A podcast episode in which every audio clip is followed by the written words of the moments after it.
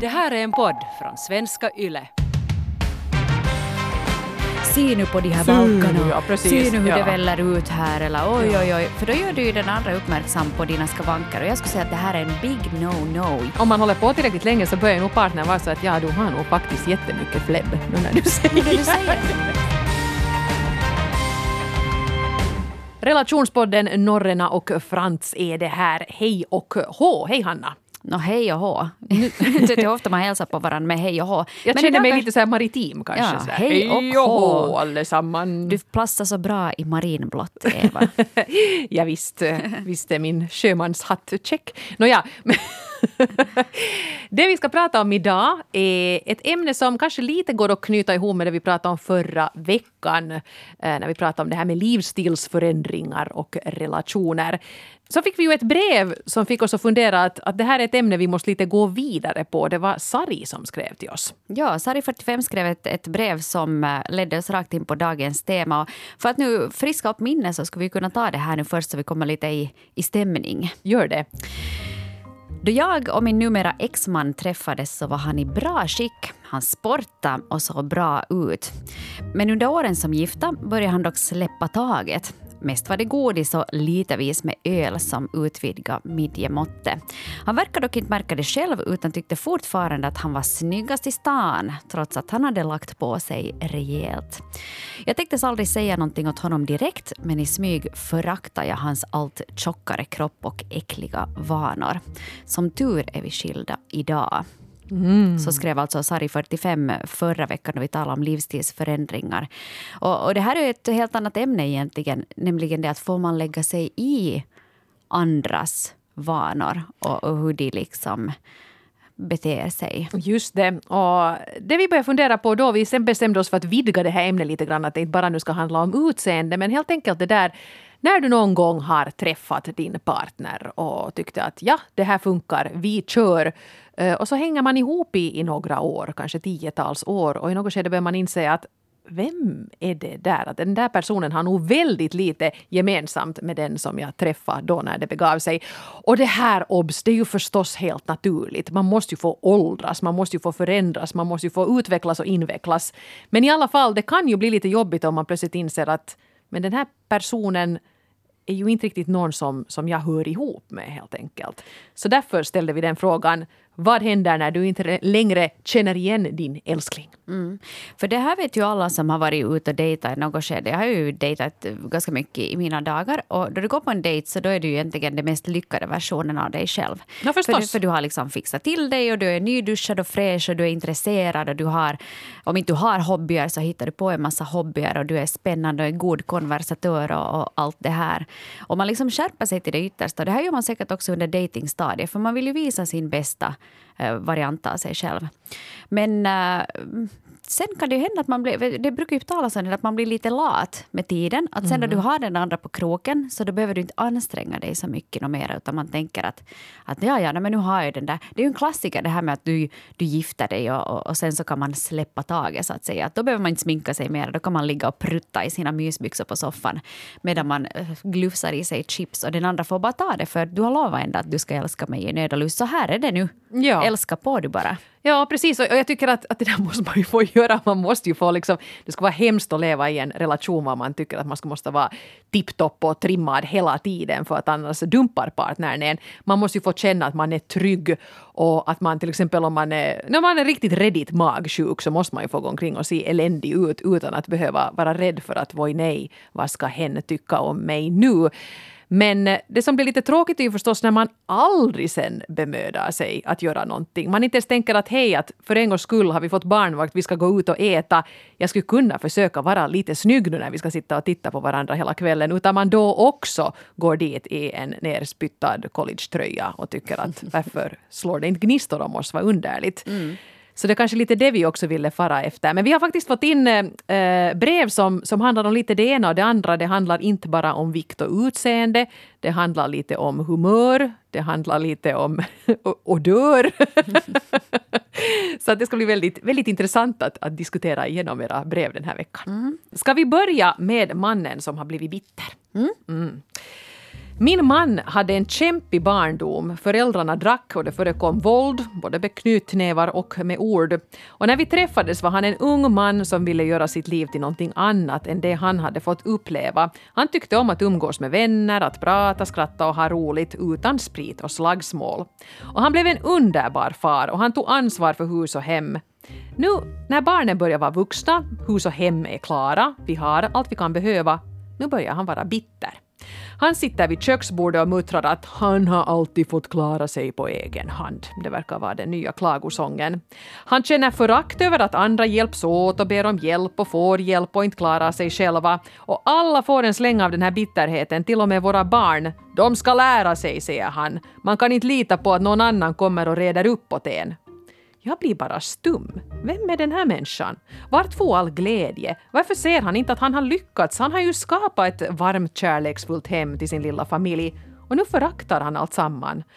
Våra värderingar som tidigare var så lika, de krockar nu för tiden, gång efter gång, skriver signaturen D'Artagnan 52.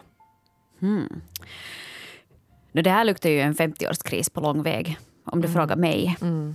Eh, jag antar att den här partnern är ungefär i samma ålder och det skulle kanske inte vara jättelångsökt heller med tanke på att, att barnen börjar vara vuxna och, och, och man är i det livsskedet. Det är man, en identitetskris. Vem är jag nu då när jag inte pappa här ja, hemma? Jag tror det. Ja. Jag mm. menar, du har ju skött nu då Operation Familjen AB här nu då i 20 år och du har haft en funktion och, och, du har liksom varit behövd. Och nu då du inte längre är det och ingen, kanske de vuxna barnen inte hör av sig så mycket mer utan man sitter mer där ensam så, så kanske man kan känna sig lite bitter för att ja, är det här nu då sen tacken för allting? Att ingen orkar höra av sig och här sitter jag nu då ensam och att man, att man blir lite bitter. Och kanske de där barnen bara hör av sig när de faktiskt behöver någonting. Att hej pappa, skulle du kunna skjutsa mig? Och då tycker han att, att, han har gått från att vara familjefar till att vara någon sorts bekänt och då tycker han att man ska klara sig själv. Mm. Nåja, det här är ju våra spekulationer förstås men, men jobbigt låter det och, och jag menar jobbigast måste ju nästan vara för, för den här mannen själv. Och för frun förstås. Ja. Men det är ju nog lite det där att man, man måste ju också kanske där i det där skedet då man märker att, att eh, man är i en livskris. Den här personen kanske inte vet att han är i en livskris. Nej, han tycker det, att det är alla andra det är fel på. Det är alla, alla andra som det är fel på. Så det här är ju en klassiker förstås, försöka hitta någonting som kan göra en glad. Att, att vem är jag nu? Kanske du inte vet det. Kanske du behöver boka en semester själv eller med frun ta tjänstledigt från jobbet och så far ni utomlands och så sitter ni på någon strand i tre månader och så funderar du att vem är jag nu och vad vill jag egentligen göra? Mm. Vad har jag åstadkommit i livet? Och den här gamla äh, gedigna tacksamheten är ju inte att förakta. Att man också ser på allt det vad man har gjort. För om du har haft någonting i 20 år så ser du ju inte mera vilka fina grejer du faktiskt har i ditt mm. liv. Så att kanske sporta lite tacksamhet och försöka tänka att men vad vill jag göra de nästa 20 åren? För att om du är 50, mm. du har ju jättebra år nu. vet du. Huset är byggt och man har pengar och man har tid och man, har ännu, man är ännu frisk. Det mm. finns massor med möjligheter att kunna göra jätteroliga grejer i 20 år till. Jag hoppas han ska hitta ett projekt. För jag kan liksom, vi som till exempel ha, ha varit med om att bygga ett hus. Så det kändes kanske lite sådär konstigt sen när det där huset faktiskt var färdigt och varenda en veranda var ditspikad på, på utsidan. Man, man, har hela tiden haft någonting sånt som man lite funderar på parallellt och det kan ju kännas stressigt men det kan också kännas väldigt sådär konkret och bra. Att jag har ju ändå det här som jag kan ägna mig åt och det är bra när jag gör det och, och det är viktigt. Han liksom saknar tydligen lite en, en funktion skulle jag tippa mm. på. Men eh, som sagt, det kan han ju inte riktigt. Det är inte någon annan som kan lösa det. Han får klara sig själv som han själv nu här gillar att predika åt andra. Inte kan han ju sitta där och, och vara bitter och sur och, och förpesta eh, miljön för, för sin partner i Nej. det oändliga. Och där tänker jag kanske också till den här frun som nu har skrivit in, om vi nu ska ge något råd där. Givetvis så kan man uh, uppmuntra då den, här, den här mannen som håller på att gå ner sig i sin egen bitterhet till att göra just någonting. Till exempel hitta en ny mening med mm. sitt liv, åka på en resa, fundera uh, över sig själv. Men vad, man kan inte ändå göra något. Han är ändå en egen person och han måste ju fatta uh, eller ta ansvar för sin egen hälsa och sin egen mentala hälsa också. Mm. Så där kanske också att, att om han nu är inne i en livskris, kanske han får sitta dit och muttra vid köksbordet nu i ett år. Och så får du istället ut och göra saker med dina kompisar som ger dig energi. Att låta honom sitta där och sura nu då, för i något skede så kommer han att märka att det här var ju inte så himla kul heller. Man, kanske, man kan ju inte tvinga en annan till en ny syn på livet heller. Kanske göra en, en, en, en liten kalendernotering att om ett år tar du och, och på något sätt tolkar situationen på nytt. Har han blivit lite roligare så kan det ju, är det ju bra. Då har han kanske arbetat sig ur sin kris själv. Är han fortfarande på, på det där spåret att han kommer att bli tidernas mest grumpy old man så då får du kanske försöka säga ifrån att nu tusan, det här nu. orkar man ju inte med. Nej, och sen att man skulle inte heller låta sig eh, dras med ner i bitterhet, för det är ganska enkelt det också. Ni vet till Absolut. exempel vilken situation som helst, du har ett rum på, på tio personer och alla har bra filis förutom en. Och Ja. den negativa energin drar alltid ner den här stämningen som de här nio andra personerna försöker bygga upp. Så det är inte heller bra att stanna kvar med någon som i evigheter håller på och marrar. Klart man får ha dåliga perioder och ibland behöver man sin, eh, sin partners stöd fast man då är en sur puppa. Men sen i något skede, så om inte man kan skärpa sig så kanske du måste hitta någonting annat att göra i livet istället för att sitta och höra på det där knärra sig. Ja, precis, man dras lätt med, det har du helt rätt i. Stort, varmt eh, lycka till till familjen D'Artagnan. Jag hoppas faktiskt att ni... Mm, det låter jobbigt det där, men jag hoppas att det löser sig. Eh, nästa brevskrivare har ett väldigt mycket mer konkret bekymmer. Sambon har ett skitigt verkstadsjobb och anser att det inte lönar sig att duscha efter en arbetsdag när han imorgon igen är lika smutsig i ansiktet, håret, händerna, armar och så vidare. Det här är någonting som vi har diskuterat och halvt grälat över flera gånger genom åren. Fast jag är van och älskar honom för den han är så har det nog inverkan på förhållande och känslorna. När han är uppskurad och nyrakad, kanske till och med nyfriserad, så blir jag som nykär även efter tio år tillsammans. Så här säger kvinna 28. Som har en sambo som är en liten snuskis. Nej, men, Ja, det, det- ja, det- men det där tycker jag nog, jag menar, klart att man inte behöver liksom polera sig eh, glansig varje dag om man har ett sådant skitigt jobb, men hör du, man ska ju nog liksom lite tvätta sig. Nu måste man ju kunna åtminstone ta en dusch varje dag så att man liksom inte luktar illa. Ja. Det är nog inte för mycket begärt. Om du nu har varit där i verkstaden och du har ett sådant lager av damm och olja och skit över dig så är det, jag menar vi bor ju ändå i Finland, du behöver inte gå fem kilometer för att bada i floden. Nej, precis. Och det är ju inte mer så att vi tvättar oss till jul nu för tiden, utan man Nej. kan ju lite, lite svabba armhålorna och skrev i alla fall. Ja. Det är väl ändå minimum. Ja, det finns ju nog förstås vissa som tycker att den här liksom skogshuggarodören är, är någonting väldigt sexigt. Men jag tror ändå att de flesta föredrar en någorlunda hel och ren partner. Ja. Och jag, jag, jag är jättesvag för människor som är sådär nyduschade. Eller vet du, man känner att någon just är sådär nyduschade, de går förbi eller ställer sig i hissen bredvid. Man blir så här, man står sniffa lite i smyg. Så det, jag tycker att det, det, det är härligt. Ja, precis. Och, och det, där, det där är ju nog ett typiskt exempel på hur man släpper, släpper greppet. För man tänker att "Nå, men hej, jag har ändå det här jobbet, jag blir ändå skitig imorgon. Vi blir alla skitiga ändå imorgon, men, Men nu måste man ändå tvätta bort den värsta skiten medan man väntar på morgondagen. Av hänsyn till sina medmänniskor så måste man åtminstone skrapa bort det yttersta lagret. så mina Uh. sympatier till kvinna 28. Ja. Vilken sluskig, sluskig karl, men det är, ju, det är ju bra att han blir, blir het sen när han skrubbar upp Ja. sig, eller vad du skrev. Ni kan ha en regel i huset, alla duschar en gång per dag, punkt slut, så behöver inte han känna sig utpekad. Just det, duscha tillsammans mm. Duscha tillsammans, jättebra idé. Då blir han sugen på duschen. och spara vatten. Ja. Miljön tackar. eh, här har vi också en, en problematik som Mm, som jag tror att ganska många faktiskt kan känna igen sig i. Signaturen Lilla jag eh, skriver så här. Min partner har gått upp tiotals kilo i vikt sen vi blev tillsammans. Det beror på dåliga matvanor och på brist på motion. För mig personligen orsakar min partners dåliga skick främst en oro för hur hen ska må i framtiden och vilka sjukdomar som kan tänkas vänta runt hörnet. Vi har dessutom två barn och jag är orolig för hur det här påverkar dem. Det finns så mycket som min partner inte kan göra med barnen eftersom hen är så stor. Till exempel är det helt omöjligt att leka i innelekparker, rutscha i rutschbana, studsa studsmatta med mera. Det är jag som gör allt sånt här fysiskt med barnen men jag önskade att de också skulle få uppleva det med sin andra förälder. Det handlar både om tiden tillsammans och om att vara rollmodell, att visa barnen hur skoj det är att röra sig och skutta och ha roligt. Skriver lilla jag. Mm. Det där är ju också, jag menar man festar ju med dåliga vanor och sånt här så visst man kan tycka att usch vad min partner har blivit oattraktiv nu när den inte tar hand om sig. Men just den här oron för hälsan det tycker jag också är någonting som tål att tänka på. Ja. Det kan jag lite grann faktiskt känna själv ibland att det liksom är inte bara det att, att jag, nå gärna ser man ju möjligast bra ut förstås, men jag tänker nog också på det där att, att nu i, i min ålder när jag närmar mig 40, att det börjar vara nu dags att, att se efter sig också för att man helt enkelt ska orka och finnas där för sin partner och sina barn.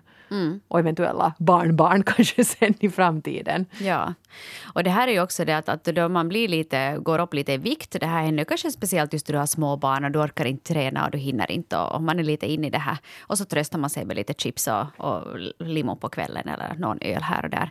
Så då är det ju lätt att killarna smyger sig på och sen när man märker att man är i sämre skick så undviker man all typ av motion. Och sen blir det till sist att man inte ens kan göra någonting något mera. Jag tycker ibland faktiskt det är lite, lite hemskt när man är i sådana här inomhuslekparker så står det ju ofta med så här stora att max 100 kilo mm. kan det stå. Då ser man nog ibland en del lite större föräldrar som bara får vända att nej mamma kan nu inte komma med i den där klätterställningen. Att ja. den, den, den, rasar, alla dör. Nåja, så säger de kanske inte men, men, men, men i alla fall, det blir, blir lite så, det blir så konkret i en sån situation. Ja. Att jag är för tung, whoops. Ja, men det kan ju också, jag tycker alla sådana när man tittar på sådana Biggest Loser och sådana här Rakas sinusta on tullut pullukka. Vad var det här nu som de hade den här Dr. Diet, jag vet inte vad det heter, det är en sån här finsk serie som går nu också där Aha. de har kändisar då som bantar ner sig då, eller vet du, får nu bättre levnadsvanor på åtta veckor. Och där ser man också just det här med, med hur det ser ut före för det filmat i svartvitt där någon står och ja. äter chips och du håller på och, och är sådär. Och sen blir man på något vis sen i bättre skick. Och där är det ganska mycket det här just med barnen, att folk är ledsna för att de inte kan göra någonting med barnen, att de inte orkar med på en vanlig promenad och sånt. Mm. Ja, också just den där rollmodellsgrejen. Att ja. om, hur ska man liksom få barnen övertygade om att det lönar sig att, att äta lite grönsaker och bara äta godis på lördagar eller vad man nu tycker att man skulle vilja ha för riktlinjer. Ja. Och sen ändå ser att, nej men att vadå, mamma gör ju så här, hon äter chips varje dag. Ja. Men mamma kanske får ut på länk sen också, inte vet man. Men hur, ja, Eller påstår att hon gör det. Ja. Men äh, det här med, med, med hälsan, det är ju helt förståeligt. Det kanske bottnar i kärlek. Mm. Vet du, man önskar att den andra ska må så bra som möjligt. Men samtidigt också så måste jag nu vill ändå lyfta upp det här liksom att den, om din partner har gått upp som jag ska säga, tiotals kilo som den här signaturen skriver. Det är jättemycket. Vet du att om du har en gång blivit Eh, förälskad i någon så har du ändå tyckt att det här är liksom den här urtypen av man eller kvinna som ligger i min smak. Att om du skulle vilja ha någon som är 30 kilo tyngre skulle jag kanske dejta någon som ursprungligen skulle ha varit det. Att där är det också det att jag tror nog att mycket folk också som har problem med sexlivet eller inte kanske är så jättetända på varandra mera, att det också bottnar i det att man har låtit det yttre förfalla. Mm. Och det här låter hårt och jag vill inte att vi ska liksom börja hetsa nu med att alla måste vara jättesmala för att vara lyckliga. Det är inte alls det jag menar. Men att om du också fysiskt har blivit en helt annan person så inte är det sagt att din partner blir jättetänd på dig om du går omkring och suckar och stönar och det bara väller ut här och där. Nej. Det låter hemskt, sig. men jag tror att det är sant. Ja. Jag, jag, jag, hör, jag hör för mitt inre öra hur folk nickar. Ja, men så där är det ju. No, jo, jag, jag, förstår, jag förstår hur du tänker. Men jag måste samtidigt också säga att, att jag är väldigt tacksam för att min man då inte brydde sig så hemskt mycket när han mitt i allt hade en skallig fru. För han hade ju inte blivit ihop med en skallig kvinna för att han går igång på skalliga kvinnor. Men no, jag, fick, jag fick en mm. sjukdom, mm. tappade allt mitt hår och såg nu verkligen inte ut som den person som han hade blivit kär i i något skede. Och jag får ju nu ändå vara på något sätt tacksam för att, för att han inte brydde sig och för att han uh, faktiskt bemödade sig att hela tiden uh, påminna mig om att han fortfarande tyckte att jag var jättefin. Det drog ju nog mig liksom igenom den där situationen. Uh, en mer ytlig man skulle ju kanske ha, ha det här lite sådär diskret simma ur bild i det där skedet och sagt mm. att nej, det här funkar ju inte. Att inte kan man ju liksom, inte, inte vilja ha, ha liksom sex med någon som ser ut som en alien. men, men så sa han nu inte. Han sa inte. Han sa inte.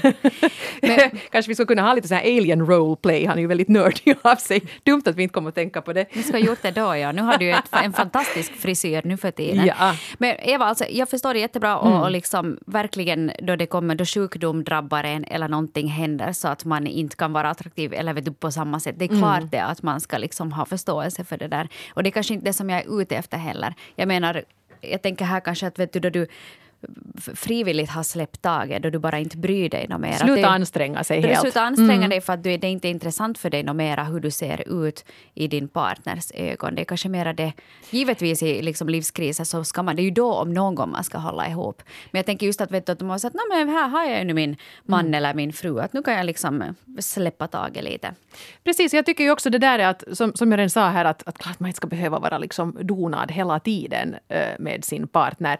Men just sådana situationer att, att man kanske faktiskt jag kan tycka att det är jättetrevligt när, när, när vi går ut och lite klär upp oss. Vi går typ aldrig ut för det har inte lyckats nu här på det senaste året. Men att båda då lite sådär fixar till sig. Och ibland, det här tror jag vi pratade om i en, i en annan podd också, att, att när, jag, när jag ska gå på jobb så är det, det är ju då jag nu för tiden fixar fram det där mitt bästa jag. Det är ju då jag orkar lite välja kläder och fixa håret och kanske leta fram ett läppstift. Och så går jag till jobbet men inte ser ju min man det inte.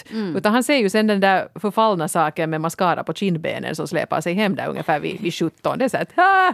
Ja. Nåja. Och, och det är väl helt okej men det är ju liksom fräckt om han aldrig får uppleva mitt bästa jag och det serverar jag till kollegorna. Ja. Det är ju bara dumt. Ja, vi tackar ju för det förstås, för det Ja. är ju du är en njutning att. Varsågod. Ja, men kanske vet du, om man kan piffa, piffa lite där hemma också. Ja, ibland, Ibland, ja. åtminstone. Lite sådär överraska. Och det här, jag menar ju inte att man måste liksom hoppa fram i någon sorts negligé varje fredag klockan 18. Men vad är det som hindrar en från att göra det? För jag tror ju faktiskt att om du skulle, alla ni som har nu en partner, om ni skulle hoppa då fram i en negligé eller sen Om. Jonas hoppar fram i en negligé blir jag det jätteförvånad. det- men, det- men, det men går inte. glad förstås, det är ju kul. Du blir inte glad, du, du, blir, du tycker jag att det är kanske jobbigt. inte blir jätteupphetsad men nu skulle det vara lite roligt. Ja, ja, men tänk nu att fast att han har vet du, varit då och duschat och, och är sådär nyskrubbad och har inte någon verkstadsdamm på kroppen något mera. Och så sätter han på sig fast ett par nyinköpta jättesnygga joggingbyxor istället för de där som han har suttit i sen ni träffades. Ja, ja. Och en, Jo, och en snygg t-skjorta som är ren. Bara en sån sak gör ju jättemycket. Ja. Att man inte kommer hem och sätter på sig sunkkläderna direkt och blir en sur puppa. Alltså det är också ganska kiva det där att man kanske någon gång har noterat det där att, att, eh, att eh, om, om partnern nu har något visst plagg som, som den andra partnern då tycker att oj det där är nog liksom det snyggaste du har. Man tar på sig det då Mm. och då om man ska gå på en dejt. Bara som en sån här markör att hej titta nu har jag ansträngt mig, jag vill vara attraktiv just precis för dig nu här Ja. ikväll. Och, och, och ibland kanske att man lyssnar lite på de där vinkarna. Att om din man säger att Åh, du, det ser, du ser nog så vacker ut och du har klackade skor på dig. Mm. Men dra på dig de där klackaskorna. Du behöver inte gå omkring i de där länkarna kanske varje dag. Ni kan sitta ner den kvällen. Ni kan sitta ner sen. Spreta lite med, med benen. det här är sådana sittskor. Ja. Som, ja. Så gör du en Sharon Stone. Eh, ja. Ja. Ja, det, det är ju bra. Vädra lite. Jag har, jag har en sak jag skulle vilja prata om i det här. Jag vet nu, det här hör inte ihop med ett brev, men vi, vi kan återkomma till det. Ja, men berätta, men en berätta. poäng med just med det här med, med partnern och utseende. Och jag, tror att, jag tror att en sak är jätte, jätteviktig. Och det är att du ska inte liksom klanka ner på dig själv åt din partner.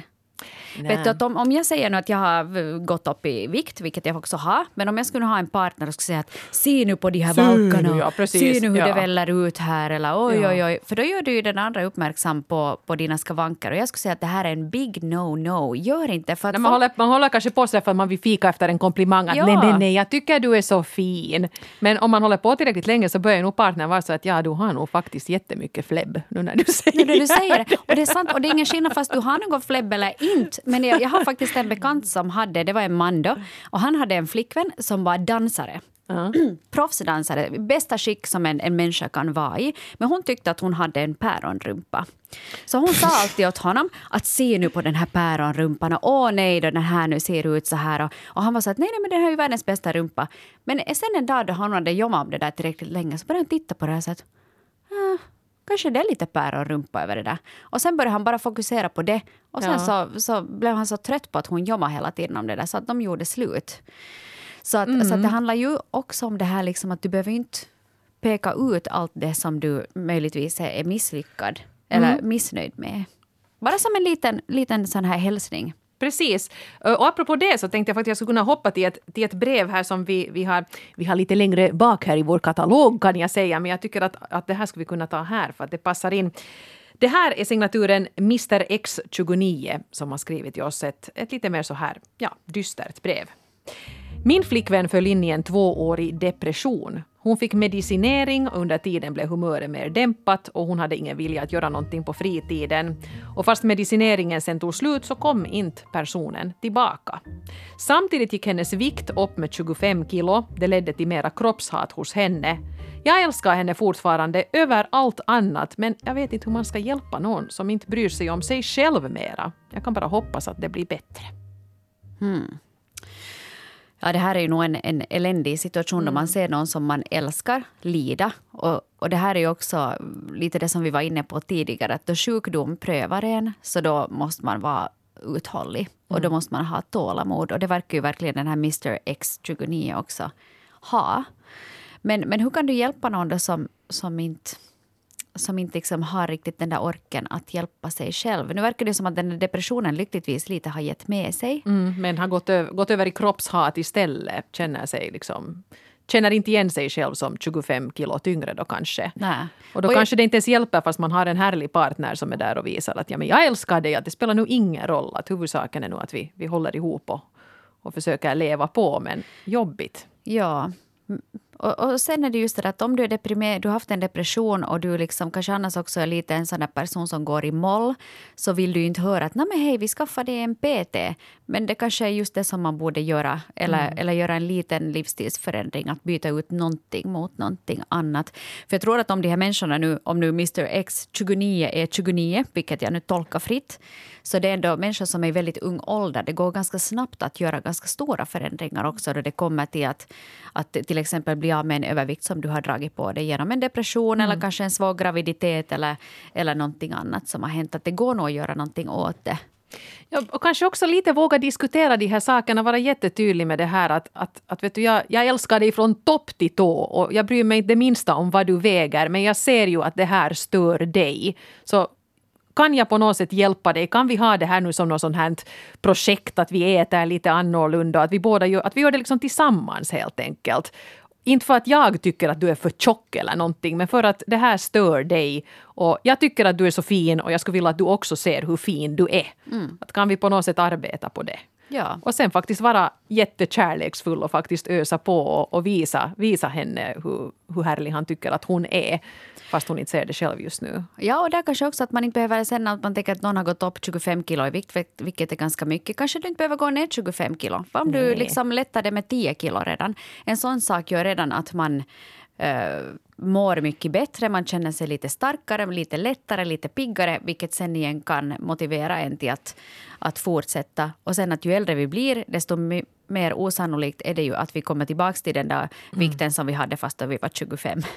Det är ganska få som, som är i samma vikt som de var när de var 25 sen då de blir äldre. Och fast, fast hon inte skulle gå ner ett gram heller, men att liksom arbeta på det där med att, att gilla sin vikt. Jag, jag, jag menar en del människor så, så tycker jag att de får en helt annan respekt för sin kropp när de börjar med någon ny idrott till exempel. De börjar dansa eller någonting och, och kollar att de kan göra, göra grejer med sin kropp att den funkar och att, att den är bra fast den inte är viktmässigt detsamma som den var för, för en tid sedan. Mm. Så jag vet inte, kanske, kanske mera jobba på det där, inte heller haka sig fast vid den där övervikten utan, utan Nej, mera sant, liksom ja. satsa på det där med att du måste börja tycka om dig själv för du är ju så fin. Ja, eller göra någonting som man tycker att är kul. Börja mm, på någon sån här twerking-kurs eller någonting. Kanske som... lite tvinga med henne på någonting. Säga att hör du nu älskling, beklagar, vi har dejt nu, jag har planerat och så går ni på någonting riktigt knasigt som är utanför bådas box, absolut. Mm. Så att ni kanske får någonting att skratta åt. Ja. ja. Mm? ja. Oj, och jag hoppas, så att det, jag hoppas ju också att det här skulle, skulle hjälpa sig. Men du verkar vara en, en ganska ljuvlig typ. Hon är lyckligt lottad som har dig i alla fall, Mr X. Verkligen. Sen har vi faktiskt fått in två brev av personer som inte är de som, som har tröttnat på partner men inser att, att det är de som inte riktigt håller måttet efter en tid. Jag har förlorat mig själv i förhållanden. Helt enkelt känt mig instängd och uttråkad. Och då blir jag inte stimulerad att vara lekfull, sexig eller mitt bästa jag. Kanske passar jag, som är en passionerad människa, inte i långa relationer överhuvudtaget. Någonting i mig har dött under de två längre förhållandena jag har haft i alla fall. Och då förstår jag om partnern tröttnar på mig. Så skriver, skriver kvinna 37. Mm. på något sätt misstänker jag ju kanske ändå att, att den här brevskrivaren inte nu har riktigt hittat rätt partner ändå. Att, att de här två längre förhållandena inte ändå var liksom sådär custom made just för, för henne. Nej. Och sen om man känner sig instängd och uttråkad så rör man ju inte med rätt person heller. Nej, absolut Speciellt inte om man är uttråkad. Om du är tillsammans med någon som är tråkig. Så då man kan ju tråkas ihjäl långsamt och plågsamt.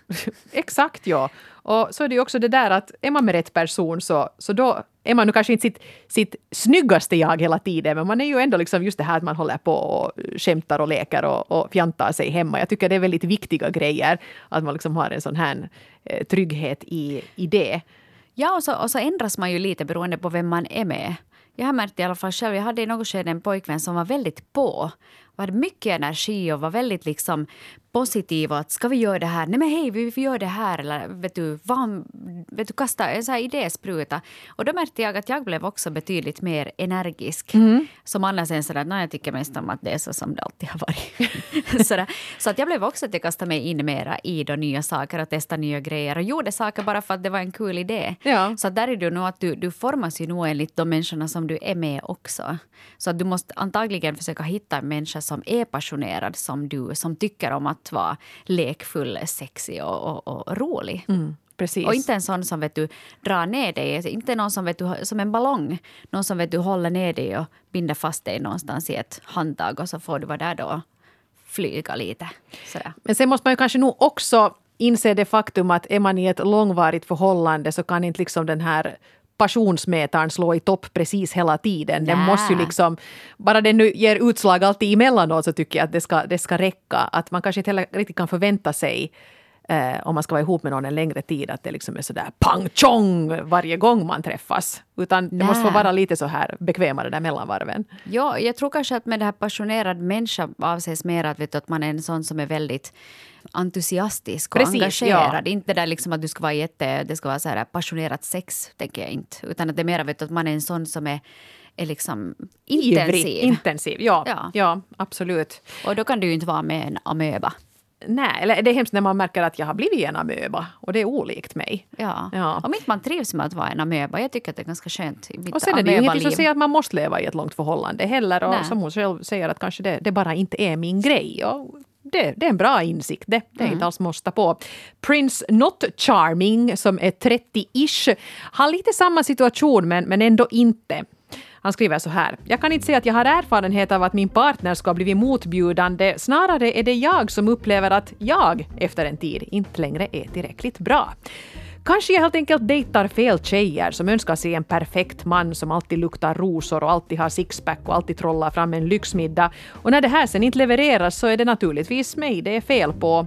Det är inte fråga om att jag ska bli blivit mera slabbig, för det blir jag inte, utan istället är det väl nyförälskelsen som är över och mina partners märker då att jag helt enkelt inte är perfekt. Hmm. Han har bara dejtat såna som tittar på The Bachelor tydligen. Ja, det, Ba- Bachelor är ju ett, ett härligt program på många sätt och ett vidrigt program på lika många sätt. Rosor och det är ju- lyxmiddagar Det är väldigt lätt att bli förälskad om du först har druckit en halv flaska champagne och sen rider du på en elefant i solnedgången i strandbrynet på någon tropisk ö. En vanlig fredag för ja, mig. Ja, men, men då är det du rider där längs Esbo-vägarna istället, längs cykelvägen. Jag cyklar lite i Esbo, det är typ elefantsolnedgång. Ja, men då är det ju jättelätt att bli kär och det är ju lätt liksom att man känner den förälskelseskänslor i sådana ögonblick som är inbäddade i ett sånt här perfekt scenario. Och det är ju klart att du har en vanlig tisdag och du sitter hemma då och ser på Rakas sinusta eller sådär på TV. Så, så då är du ju inte alls lika attraktiv och kanske lika härlig. Och det, och det där nog Eva som du var inne på där, det här är ju det riktiga livet. Ingen av oss är en Prince Charming eller en, en liksom drömprinsessa hela tiden. Men så tänker jag också att om man alltid dejtar på det sättet att man försöker sälja in, sälja in sig som The Bachelor och det alltid är rosor och lyxmiddagar och man inte egentligen är den typen så är det ju inte så konstigt sen att det blir en stor sån där att hej väntas nu. Sen när man Ja. visar upp sitt sanna jag. Tycker du egentligen att det är trevligt att spela Playstation och brygger du öl i, källaren vad du nu har för intressen. Ta nu fram det från första början. Hämta gärna rosor, det är inget fel på det men att kanske inte försöka sälja in en sån där glansbild som man sen inte riktigt är det utan var stolt över dig själv och dina intressen och dina specialbegåvningar och, och vad du kan göra för roliga kroppsljud. Ge nu liksom en liten vink om det här, ditt innersta, ditt sanna jag, eh, fast du försöker sälja in ditt bästa jag. Jag tror inte att man behöver liksom välja mellan de två. Nej, Och där också det. tänker jag att en, en anledning kanske till att, att vi nu har hängt ihop så länge med, med min man är ju att, att från första början så insåg jag att okej, det här är 100% nörd. Eh, han tycker om Star Trek. Han tycker liksom om... Eh, ja, liksom det, det var nu sånt som jag inte tyckte var så fruktansvärt intressant men jag förstod genast att det här är den han är. Eh, jag kan tänka mig, det var liksom inte någonting som avskräckte mig. Och så tycker jag det är lite mysigt att i denna dag sitter han, nu sitter han med våra barn och tittar på samma Star Trek-säsonger för ente gången. Att han har inte liksom kompromissat bort sig själv. Nej. Och det tycker jag är ganska skönt för det betyder ju inte heller att, att jag behöver kompromissa bort mig själv. Utan att vi har ju liksom valt varandra precis för, för den vi, dem vi är. Även om man sen förstås alltid ska respektera varandra. Ja. Om den ena är hängiven bondage-entusiast och den andra tycker det är jobbigt så kanske man inte ska propsa på det då. Nej, Nej det, det är inte bra. Det, det kan, man kan hamna i Han får fickan för ha sin dungeon, vet du. Det är hans hobby. Sen hamnar han i fängelse. um, eh, jag, jag håller helt med dig, Eva. Uh, skippa det här med falsk marknadsföring i datingstadiet. Att Mm. Det, där, det, inte- bästa, det bästa jag som du ska sälja in ska ändå vara du och inte någon Ja, annan. för jag, jag var också på någon sån här, någon sån här dating så var det där, jag skippade alla som var sådär megasportiga. För att jag är inte Usch. jättesportig. Alltså jag kan bra, jag skulle, om jag skulle ha tid skulle jag gärna gå på en danslektion och tycka om att gå på någon promenad här och där. Men jag är inte den där som går och sportar vet du, morgon och kväll. Nej. Jag skulle inte klara av inte en vecka med någon som är sådär megasportig. Så där är det också att då ska du inte heller utge det. Om någon säger att ja, no, vad tycker du om att göra? Säger man som det är, no, jag tycker mest om att vara hemma. Eller vet du, säg som det är. Att vara inte så att jag går jättegärna på museer och så här. Jag har inte varit på ett museum på sen jag gick i högstadiet, typ, jag tvingades dit. Så säg inte då att du tycker om museer om inte du gör det. För då kanske det inte heller blir just det där stora. Och sen härligt med lyxmiddagar och rosor och champagne och hela det här köret. Men precis som du sa Eva, där, att, att om, du, om du vänjer någon med en viss nivå så är det väldigt svårt liksom att, att komma ner då ett steg. Att kanske du börjar på en någon här någorlunda medelnivå. Sen kan du någon gång kan det glimra till med lite lyx här och där. Men Ja, Ja. No, men, no, men jag Här tycker du- ska inte vara, sträva inte efter att vara Prince Charming utan sträva efter att vara prins riktigt hyvens när du lär känna mig. Ja. ja, istället för champagne så kommer du med en varm sixpack. Åh! alltså. Ja, man får tolka det Ljummen öl, bra! No, nu vet ni det, ni som vill förföra Hanna Norrena. Nej, det, det måste nog vara kall. Men en sixpack går bra, men det måste vara kall. Så är det. precis. Jag, I'm an easy going girl. Där hade vi det. Kanske vi måste börja avrunda här, hörni. Ja, det måste vi. Eh, nästa vecka så blir det andra bullar. Då ska vi inte, då ska vi inte prata om bullar mera. Och Nej. inte om utseende, inte om parförhållanden heller så jätte- jättemycket. Utan vi ska istället faktiskt få in en, en gäst hit till, till podden som, som ska bli jätterolig att träffa och som vi förhoppningsvis också kan visa en lite annan sida av till dig som lyssnar. Precis, vi får hit Krista Sigfrids, varken mer eller mindre. Det som vi kanske är speciellt intresserade av är det ju det här när, när du har ett privatliv och du har ett kärleksliv och du gifter dig och du skiljer dig och du dejtar och sånt här, men du inte gör det här bara ensam utan det här är allas business eftersom du är kändis. Hur hanterar man det? Det vet inte jag åtminstone, men det tror jag Krista vet, så det ska bli skojigt att prata med henne om det. Mm. Vi hörs igen om en vecka. Ha det riktigt härligt. Hej då! Hej då!